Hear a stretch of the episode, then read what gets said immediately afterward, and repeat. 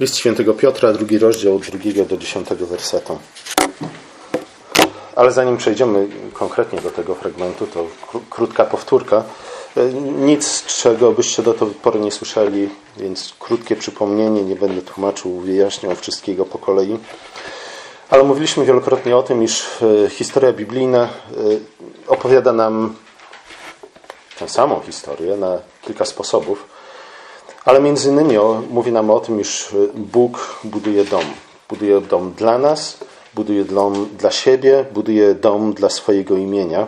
Dom, który, y, w, której, w którego budowie z początku uczestniczą wszystkie trzy osoby Trójcy Świętej, Ojciec, Syn i Duch.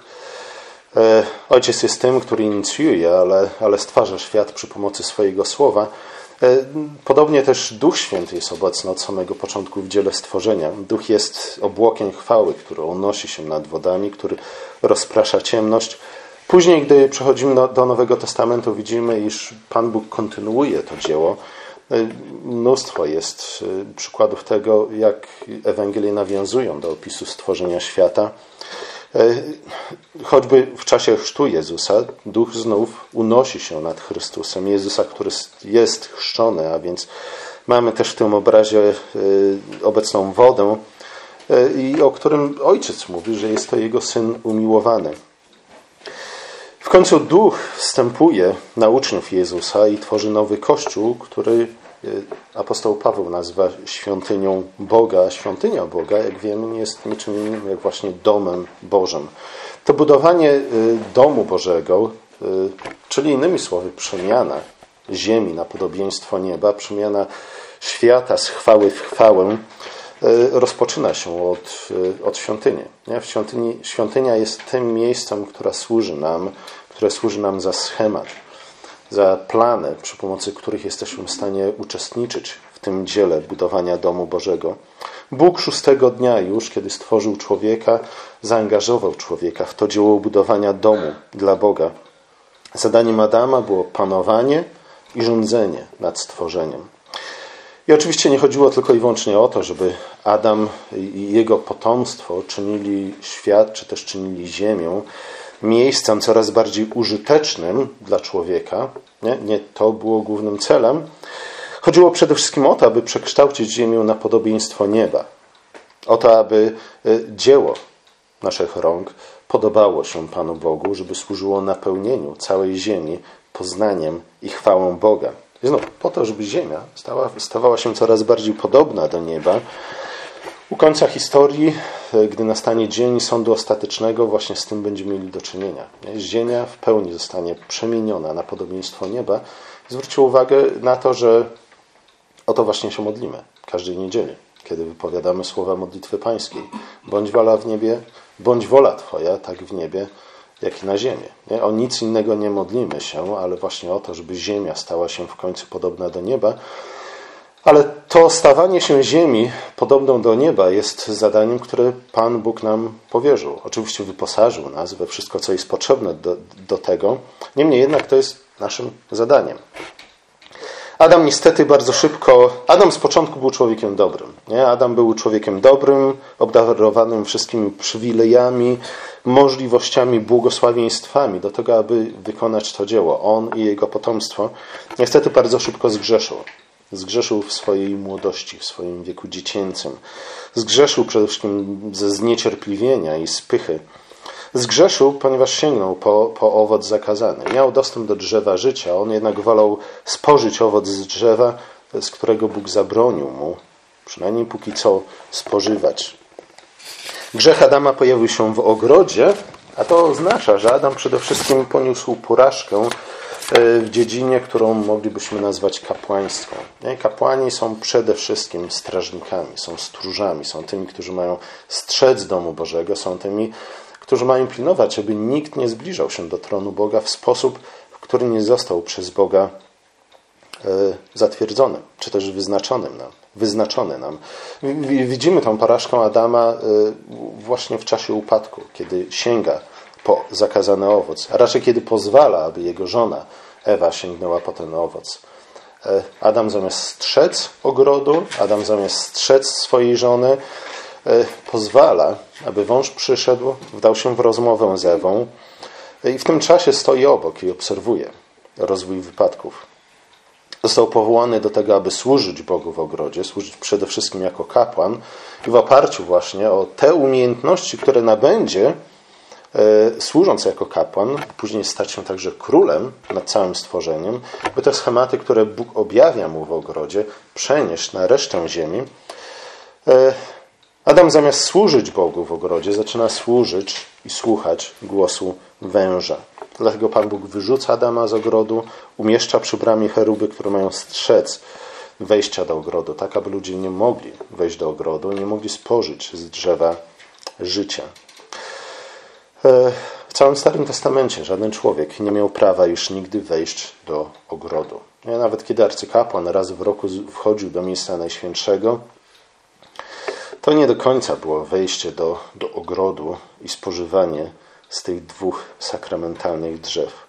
Od tej pory wszyscy ludzie muszą żyć z konsekwencjami buntu Adama. Nie? I, I te konsekwencje są co najmniej dwojakie. Po pierwsze są takie, że nie mamy już dostępu do drzewa życia, nie mamy już dostępu do wody życia.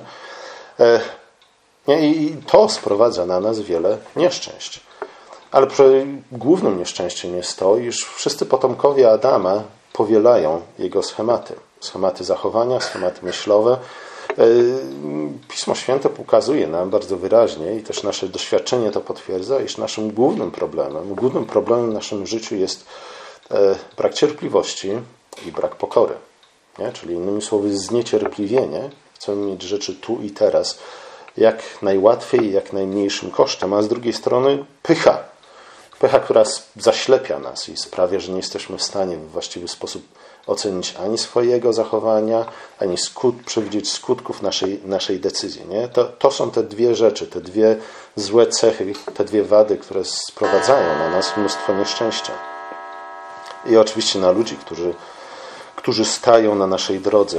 Bóg jednak nie, nie pozostawia świata w tym stanie. I oczywiście Proces budowania domu Bożego, proces napełniania świata chwałą Bożą został może nie do końca wstrzymany, ale został bardzo mocno wyhamowany aż do przyjścia Chrystusa. Bóg obiecał dać potomka kobiety, który zdepcze głowę węża i sprowadzi lud z powrotem do ogrodu. Nie? Tam już zaraz po upadku znajdujemy pierwszą obietnicę Zbawiciela, Mesjasza. Zbawiciel będzie wielkim wojownikiem, który pokona szatana, zdepcze, zgniecie, rozgniecie mu głowę. Bóg nie od razu spełnia tę, obietnicę. Musi minąć wiele, bardzo wiele pokoleń, e, po to, aby w końcu przyszedł obiecany podomek kobiety. Tym potomkiem jest oczywiście Chrystus, nowy Adam, który, i to nie powinno nas dziwić, w Ewangeliach jest często porównywany do wielkiego budowniczego, albo też sam jest nazywany tym kamieniem, czy to węgielnym, czy też spajającym całą budowlę, bez którego Bóg nie jest w stanie do ukończyć, ani mes, bez którego my nie jesteśmy w stanie dokończyć tego dzieła budowania domu dla imienia Bożego. Nie? On jest również przedstawiony jako skała, na której mamy budować tę budowlę. Nie? Te wszystkie słowa nie? na temat budowania domu, czy to na piasku, czy na skale, na temat tego, że my jesteśmy żywymi kamieniami, z którego Bóg buduje swój dom, swoją świątynię. Musimy odnosić oczywiście do siebie osobiście. Nie? Nasze własne życie ma być oparte na Chrystusie jako skala, ale, ale też wyraźnie widzimy, że, że y, odnoszą się one, one do nas jako do całej wspólnoty Kościoła. Jezus jednak został odrzucony przez budowniczych tego domu. Nie? I oczywiście budowniczych jakiego domu. Bóg, y, począwszy od Abrahama, nie, kontynuuje swój projekt budowania domu dla swojego imienia, domu dla swojej chwały, swojego ziemskiego pałacu. I oczywiście tym domem na początku jest dom Izraela. Nie? Ze świątynią, która też jest domem Bożym, y, stojącym w całym centrum, w środku Izraela. To właśnie świątynia ma być schematem dla Izraela, dla tego domu Izraela, który budują najpierw patriarchowie, później Mojżesz i tak dalej, i tak dalej. Budowniczy tego domu odrzucili Chrystusa. Nie? Kim byli ci budowniczy? To byli przywódcy, przede wszystkim religijni, duchowi Izraela, kapłani, faryzeusze, uczeni w piśmie, i tak dalej. Oni, gdy, gdy spojrzeli na Chrystusa, gdy ujrzeli ten kamień Boży, stwierdzili, że nie. Ten kamień nie dość, że się nie nadaje do budowy domu Izraela, domu Bożego, ale także wręcz użycie jego będzie albo niebezpieczne, albo nieprzystojne. Nie? Ten kamień nie będzie pasował do domu, który oni budują.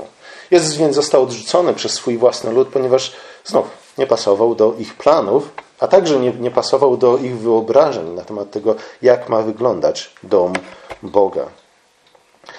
Bóg jednak, wzbudzając go z martwych, dowiódł, że Jezus jest nie tylko godnym, właściwym kamieniem, ale jest też tym najważniejszym kamieniem, bez którego cała budowla nie jest w stanie się ostać. Chrystus jest jednocześnie fundamentem, na którym opiera się cały jego dom, ale jest także kamieniem, który zwieńcza całą budowlę. Dzisiaj inaczej się buduje domy, nie? ale kiedyś tak się budowało domy, że najważniejszymi można powiedzieć, pięcioma kamieniami w domu było co?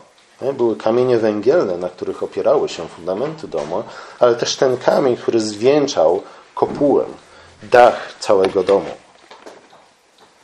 Wiecie coś na temat budowania domów? Starych domów? Eee, ci, którzy uczyli się matematyki, powinni coś wiedzieć na ten temat. Nie? Eee, nie jest wszystko jedno, nie? w jaki sposób y, zbudujemy zwieńczenie y, gotyckiego, jak to się nazywa? Sklepienia. Nie? Bardzo ważne są kąty, bardzo ważne są promienie i bardzo ważne jest to, jaki kamień umieścimy na samym, na samym wierzchu. Jeśli tego wszystkiego nie obliczymy w właściwy sposób, jeśli nie użyjemy właściwego, właściwego kamienia po to, aby zwieńczyć sklepienie, wszystko się rozsypie, wszystko się rozpadnie. Nie? Jezus jest przedstawiony w Piśmie Świętym jako te dwa rodzaje kamieni. Z jednej strony kamień węgielny, który wyznacza granicę budynku, na którą opiera się cały budynek, ale z drugiej strony również ten kamień, który wieńczy całą budowę, bez którego budowla się po prostu zawali. Innymi słowy, jak to wyraża apostoł Paweł w liście do Kolesan, e, w Chrystusie wszystko istnieje, na Nim wszystko się opiera. Nie? Bez, bez Niego cały świat, cała ziemia, całe stworzenie Boże rozsypało się w jednej chwili. E, Chrystus przyszedł po to, aby odnowić stworzenie, po to, aby dać nam nowe stworzenie i to nowe stworzenie również opiera się całości na Nim i dzięki Niemu w Nim istnieje. Piotr podejmuje w swoim liście ten wątek i stwierdza, że adresaci listu są, podobnie jak Chrystus, odrzuconymi kamieniami. kamieniami nie? E, do kogo Piotr pisał ten list?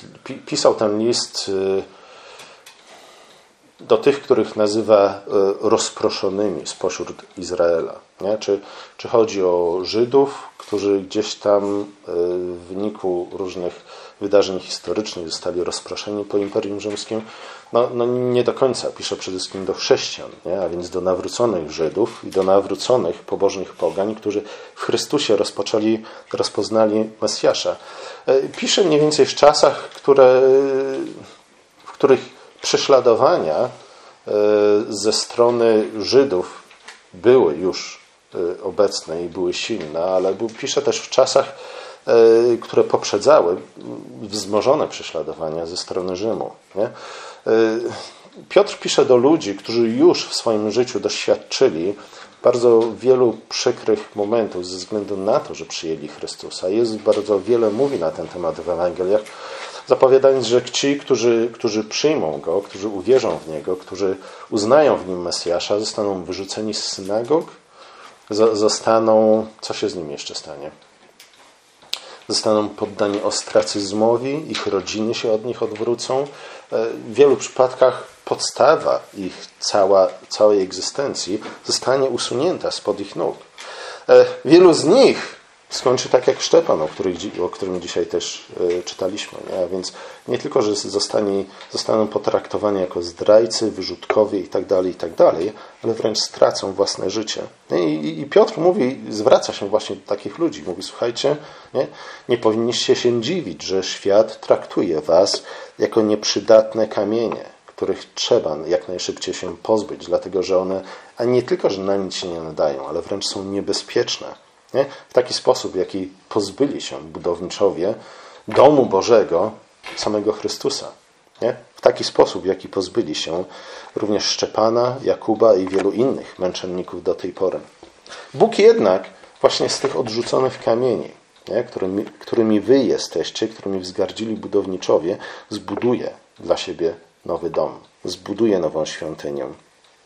Zbuduje dom, który w końcu wypełni cały świat, kiedy ziemia w pełni upodobni się do nieba. Apostoł zwraca szczególną uwagę na to, że ci, których Bóg używa do budowania swojego domu, są tymi, którzy właśnie w oczach możnych, wpływowych ważnych ludzi w tym świecie e, uchodzą za najmniej przydatnych do tego celu, aby stać się żywymi kamieniami w pałacu e, naszego Boga. W końcu do budowy pałacu używamy nie byle jakich materiałów. E, używamy materiałów solidnych, wyrafinowanych, pięknych. Chodzi o to, żeby cała budowla z jednej strony była silna, z drugiej strony, żeby była piękna. Nie? Te dwie cechy są, są bardzo ważne dla każdego, kto buduje pałac i dla niektórych, którzy budują też sobie domy. Ale zobaczcie, już Piotr wcześniej w pierwszym liście do Koryntian zwrócił uwagę na to, że patrząc na chrześcijan, trudno e, dostrzec między nimi ludzi możnych, wpływowych, noszących zaszczytne tytuły, piastujących e, wysokie stanowiska. Nie? I Paweł mówi, i Piotr w gruncie rzeczy stwierdza to samo, słuchajcie, nie dziwcie się temu. Nie powinniście się temu wszystkiemu dziwić. E, nie, nie należycie do elity tego świata i nie dziwcie się ze względu na to, że elity tego świata kierują się jednak innymi zasadami, innymi celami i według innych metod postępują. Nie, nic dziwnego, że nie pasujecie do ich budowli, nic dziwnego, że zostaliście uznani za nieprzydatnych i niebezpiecznych. E, innymi słowy, Paweł mówi i Piotr za nim powtarza, że patrząc na chrześcijan, przynajmniej pierwszego wieku, dzisiaj trochę czasy się zmieniły ze względu na to, że Ewangelia jednak przemieniła ten świat w znaczny sposób. Wielu ludzi, nawet sprawujących władzę, trochę inaczej postrzega świat i chrześcijan. Niemniej jednak pierwszym wieku y, Paweł i Piotr mówią, słuchajcie, nie? Wy, chrześcijanie, rzeczywiście jesteście ludźmi, którzy w oczach możnych tego świata uchodzicie za, za naiwnych głupców. Nie? Uwierzyliście w jakąś bajkę, która sprawiła, że staliście się bezużyteczni dla władz, dla biznesmenów, dla właścicieli niewolników itd., itd., tak a już na pewno dla kapłanów i uczonych w piśmie. Szanujący się władca wstydziłby się dworzan takich jak wy. Szanujący budowniczy, szanujący się budowniczy, nikt by nie użył do budowy pałacu takich materiałów, jakimi jesteście wy. Piotr jednak stwierdza, słuchajcie, nie? Bóg, Bóg w ogóle się was nie wstydzi. Bóg nie wstydzi się swoich wybranych, ani nie boi się budować z nich swojego domu, swojego pałacu. Bóg nie wstydzi się was, dlatego że w Jego oczach jesteście piękni i pełni e, godni chwały. Nie, nie, nie boi się użyć was ze względu na to, że ufa w waszą solidność i w waszą siłę. Dlaczego tak jest? I, i, wydaje mi się, że tu dochodzimy do, kto wie, czy nie największego problemu związanego z tym fragmentem. Dlaczego Piotr y, tak, a nie inaczej postrzega adresatów swojego listu? I zaraz odpowiada, ze względu na to, że zostaliście obdarzeni chwałą Chrystusa. Ze względu na to, że wasze życie zostało oparte na skale, którą jest Chrystus. Innymi słowy, Piotr nie mówi, być może to chcielibyśmy od niego usłyszeć, nie mówi, słuchajcie, świat się na was nie poznał, nie? Bo świat jest głupi. Jesteście cenni sami w sobie, jesteście piękni sami w sobie. E, świat jest głupi, bo nie, nie jest w stanie dostrzec waszej wartości i waszego piękna. Piotr tego nie stwierdza. Piotr nie mówi, słuchajcie, nie, problem wasz i problem waszych relacji ze światem jest to, że, że nikt się do tej pory na was nie poznał. Nie? nie wiem, czy wy, ale niektórzy ludzie pewnie żyją, nie? Y, cały czas właśnie tym marzeniem, że w końcu, prędzej czy później przyjdzie czas, na którym ludzie się na mnie poznają. Nie? W końcu się poznają, końcu docenią mnie, w końcu zobaczą, jaki jestem fajny. E, ale nie o to chodzi Piotrowi. Nie? Piotr, Piotr nie mówi, słuchajcie, postaracie się jeszcze trochę, poczekajcie jeszcze trochę, a w końcu ludzie zobaczą, ile jesteście naprawdę warci. Raczej Piotr mówi, że, że przez wiarę w Chrystusa staliśmy się żywymi kamieniami, z których Bóg buduje swój dom. E, On w Chrystusie uczynił nas kamieniami drogocennymi, których nie powstydzi się w swoim pałacu. Nie? W Chrystusie, przez Chrystusa jesteśmy tymi kamieniami, które Bóg może użyć do budowy swojego domu. Ta przemiana z kamieni wzgardzonych i nieużytecznych na, na kamienie drogie i przydatne wiąże się ze, ze zmianą, z wieloma zmianami w naszym życiu, ale przede wszystkim, czy też między innymi ze zmianą w wyznawanym przez nas systemie wartości. E, jako, że teraz miarą doskonałości dla nas jest nikt inny, tylko Chrystus.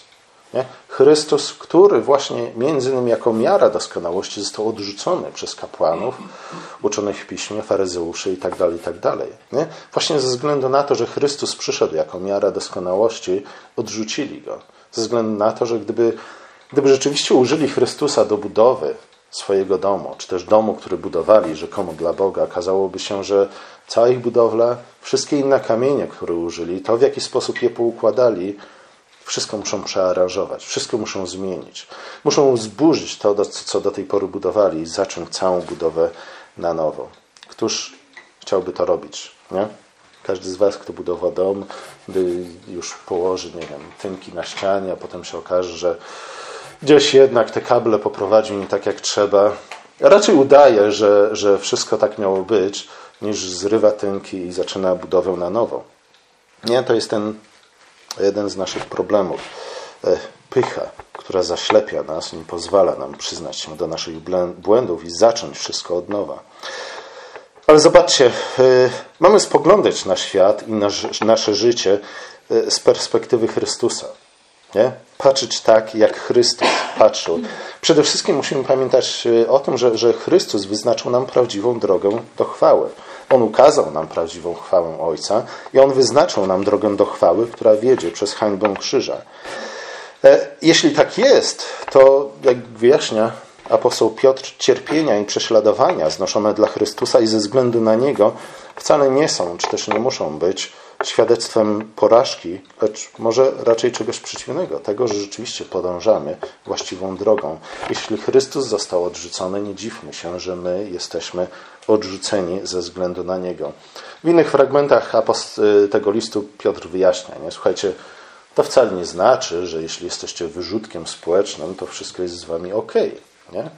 Dlatego, że no, być może rzeczywiście jesteście biedni albo głupi z własnej winy. Nie? E, tego typu doświadczenia, tego typu cierpienia, czy też prześladowania nie przynoszą Wam absolutnie żadnej chwały.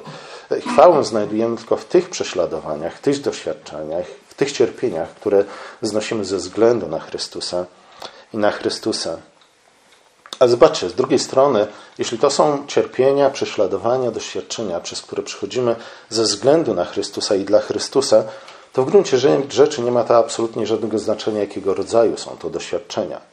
Może to być śmierć, może to być zdrada, może to być więzienie, może to być strata pracy, może to być ostracyzm, któremu jesteśmy poddani, może to być również choroba, przez którą przechodzimy.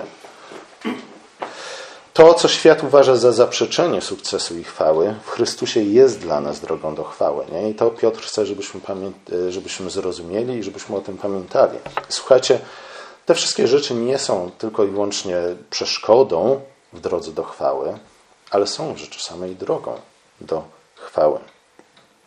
Ponadto w Chrystusie te prace i zajęcia, które świat uważał za mało atrakcyjne, ze względu na to, że nie czynią nas ludzi, którymi by inni się za bardzo interesowali, albo o których by inni mówili i pisali z podziwem i adoracją, te właśnie prace i zajęcia w Chrystusie są cenne i godne pochwały, gdyż dzięki nim uczestniczymy w budowaniu domu dla imienia Bożego, czyli innymi słowy, Królestwa Bożego.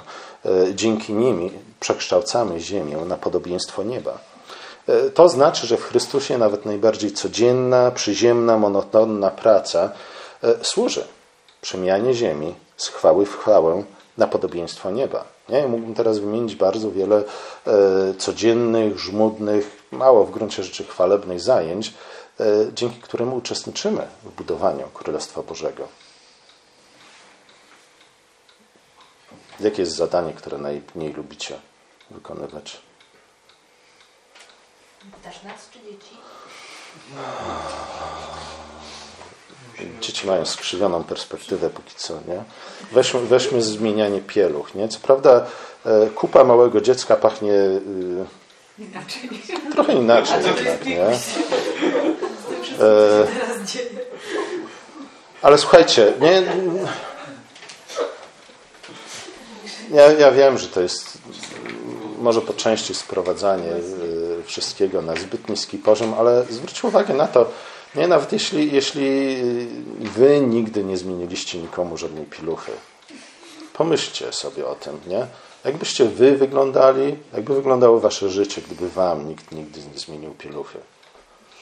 Nie? Jakby wyglądały wasze relacje z innymi ludźmi? Nie? Albo innymi słowy, z jakimi ludźmi byście byli w stanie nawiązać bliskie więzi? Ale słuchajcie, y, mówiliśmy o tym wielokrotnie.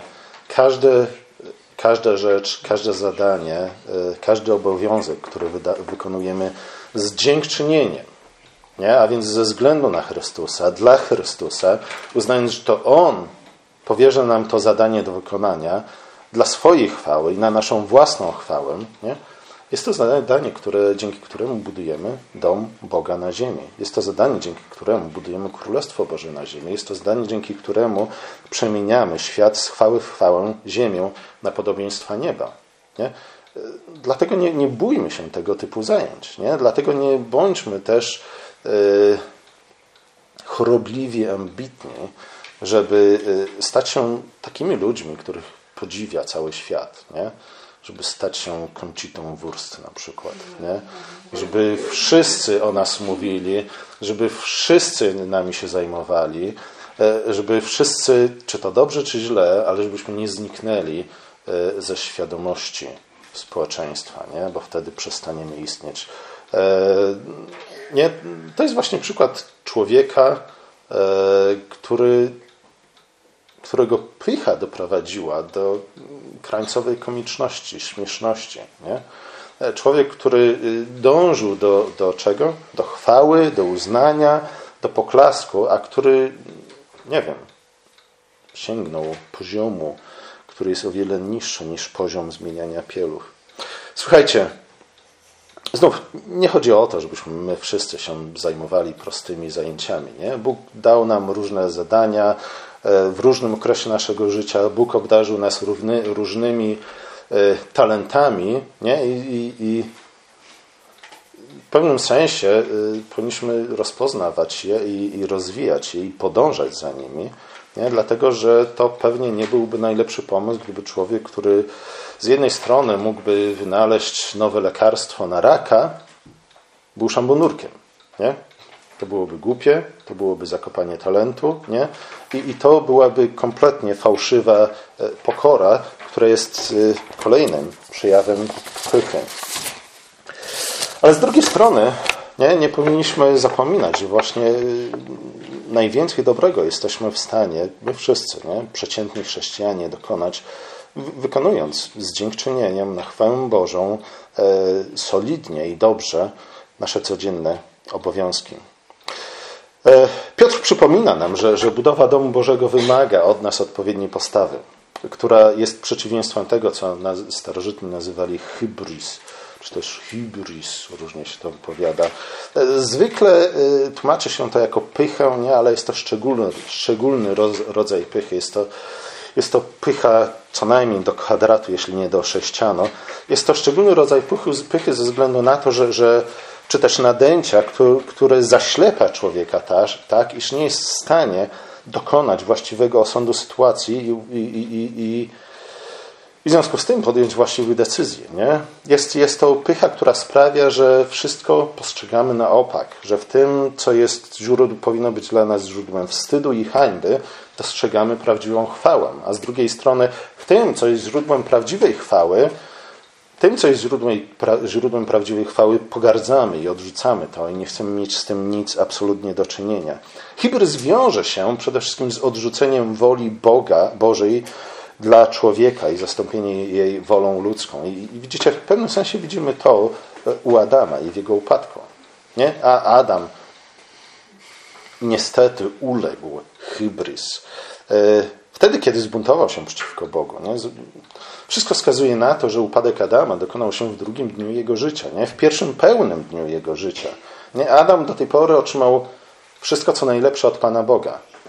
Nie? Bóg zatroszczył się o jego potrzeby, naj, naj, najpoważniejsze czy też najpilniejsze.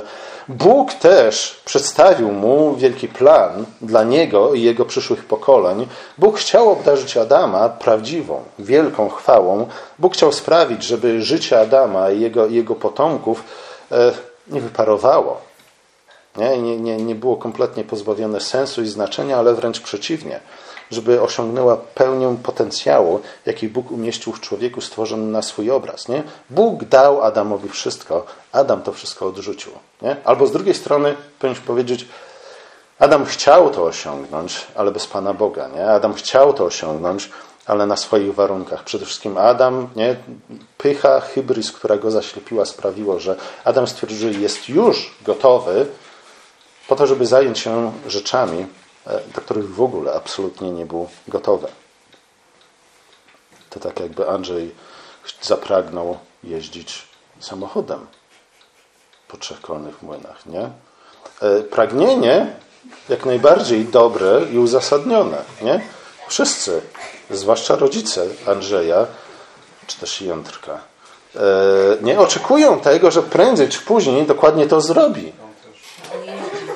Nie? Ale może nie, nie jeszcze. Nie? Może, może musi kupić sobie buty na grubszych podeszwach, nie? żeby dosięgnąć do, do pedałów. Yy, nie, nie jest jeszcze gotowy. Pragnienie jest jak najbardziej dobre, pragnienie jest jak najbardziej uzasadnione, ale jeszcze nie. Jeszcze wiele rzeczy musi się wydarzyć w życiu Jędrka, żeby, żeby spełnić nie? ten plan i to marzenie. Coś podobnego wydarzyło się w życiu, w życiu Adama. Adam myślał, że jest już gotowy, nie? a Pan Bóg wstrzymuje go w sposób kompletnie nieuzasadniony. E, ta hybris e, doprowadziła Adama do bardzo fatalnego wyboru sojusznika i protektora. Nie? Odrzucił protekcję, ochronę Bożą, odrzucił Słowo Boże, zamiast tego poszedł za tym, który obiecywał mu, przysłowiowe gruszki na, na wierzby. Nie? Powiedział, słuchaj, możesz to wszystko mieć tu i teraz. Nie musisz czekać, nie musisz się uczyć, nie musisz dojrzewać. I właśnie w swoim braku dojrzałości i, i, i w dziecinnym zniecierpliwieniu Adam sięgnął po to, co było dla niego zakazane. Dał się skusić perspektywą szybkiego awansu i łatwych korzyści. Nie? Ze względu na to, że owoc z drzewa poznania był, był owocem, królewskim, nie? był owocem władzy. Adam innymi słowy sięgnął po owoc władzy, zasiadł na tronie, kiedy był wciąż tylko chłopcem. Skutek był taki, że sprzedał, nie? jak później Ezaf, swoje dziedzictwo za miskę, miskę zupy. Ten wątek pojawia się wielokrotnie w Piśmie Świętym. Nie? Ezaf, który sprzedaje dziedzictwo za miskę zupy. Nie? Znamy to też z historii, z doświadczenia. E, wódz który sprzedaje swoje tereny łowne w zamian za co? Za szklane paciorki. Nie? Kompletnie jedno z drugim nie jesteśmy w stanie porównać wartości jednego i drugiego. Nie jak często, jak łatwo wyzbywamy się tego, co naprawdę cenne, w zamian za parę szklanych wisiorków. Nie? Apostoł Paweł w liście do Rzymian mówi o tym, że niestety ze względu na, na to hybryz, ze względu na naszą pychę, zamieniamy chwałę niezniszczalnego Boga na podobizny śmiertelnych stworzeń. To jednak nie wszystko, co apostoł Piotr ma nam do powiedzenia. Nie, apostoł Piotr nie tylko mówi, słuchajcie, nie tylko przestrzega nas przez, przed grzechem pychę, e, nie tylko przestrzega nas przed zniechęceniem, przed brakiem cierpliwości, przed E, brakiem wytrwania do końca w chwili próby, ale apostoł Paweł także zachęca nas do wiernego i cierpliwego znoszenia codziennych obowiązków, czy też spełniania codziennych obowiązków i wytrwałego znoszenia przeciw, przeciwieństw i cierpień, ukazając nam to, do czego dążymy. Obraz tego, co czeka nas w przyszłości. Nie? Dlatego nazywa nas rodem królewskim. E, mówi o nas jako o wybranych i tak dalej, i tak dalej. Z jednej strony nie, z jednej strony. To znaczy, że apostoł Piotr chce, abyśmy pamiętali, w jakim procesie uczestniczymy. Nie? E, w, jakim, w jakim projekcie uczestniczymy, co jest naszą nadzieją, jaki cel nam przyświeca, jaka będzie nagroda za to wszystko, co tutaj pokornie znosimy, co teraz pokornie znosimy. Nie, Paweł, innymi słowy, chce nas e, pod koniec swojej wypowiedzi umotywować. Umotywować do tego, abyśmy byli w stanie zrealizować ten wielki projekt, w którym uczestniczymy. Projekt, który jest projektem wielopokoleniowym. Projekt, który rozciągać się będzie jeszcze przynajmniej przez 100 tysięcy lat. Nie? To jest coś, co trudno nam ogarnąć naszym umysłem, ale Piotr mówi, słuchajcie, nie zapomnijcie o tym, w czym uczestniczycie. Nie?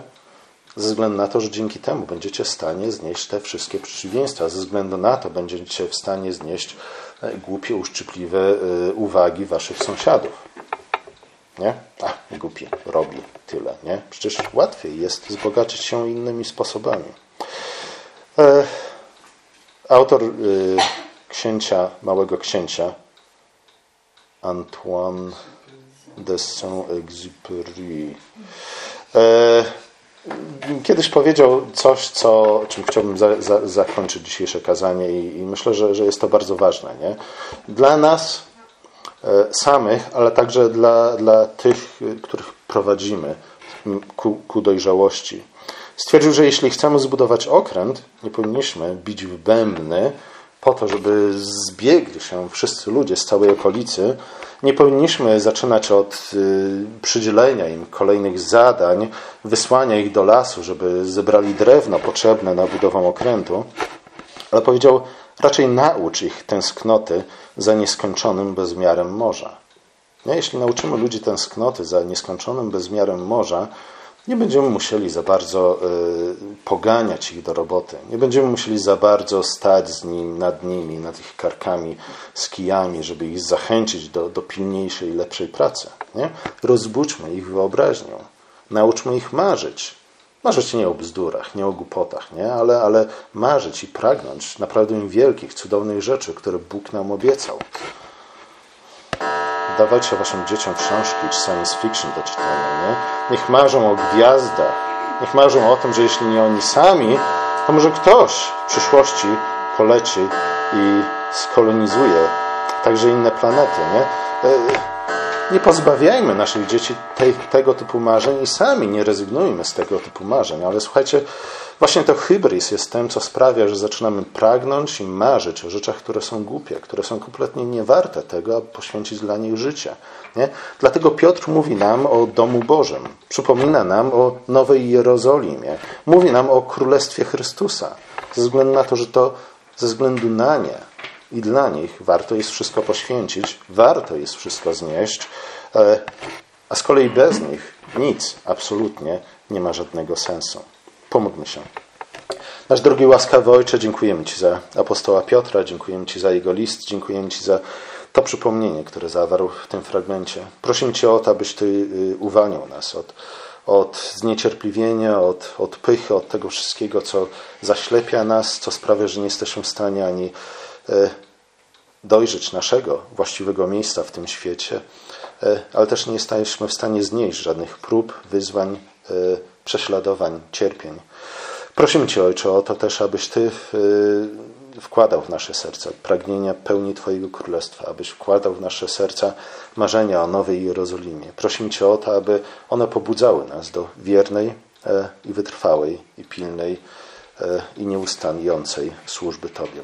Prosimy Cię o to ze względu na Twojego Syna. Amen.